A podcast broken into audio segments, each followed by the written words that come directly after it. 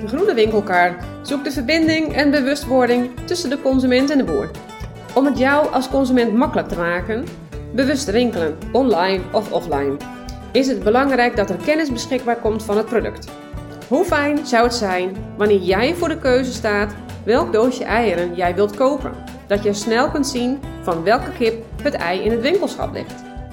Dat jij weet of dit ei door een kip is gelegd die buiten kan lopen en zijn wormpjes kan zoeken.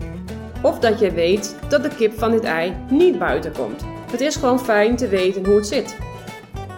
Dan kun jij als consument beslissen of afwegen welk doosje eieren jij in jouw winkelkar gaat doen. Op dit moment ontbreekt deze kennis over vele producten in de winkel. De groene winkelkar vindt dat het nu het moment is daar veranderingen aan te brengen, zodat jij als consument door het bos de bomen ziet. Wat koopt de consument daadwerkelijk aan voedingsmiddelen en wat voor effect heeft dit op duurzaamheid, milieu, gezondheid en wat onze boeren in Nederland voor ons verbouwen of produceren? Ik ben Anita Jongman, de initiator van de Groene Winkelkar. Ik ben boerin met mijn dochter en schoonzoon in Leens. Mijn doel met de Groene Winkelkar is dat de verbinding tussen de consument en de boer wordt hersteld. Dat de consument de verbinding voelt met wat de boer voor haar produceert.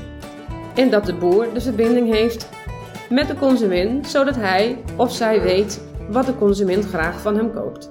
Luister je mee?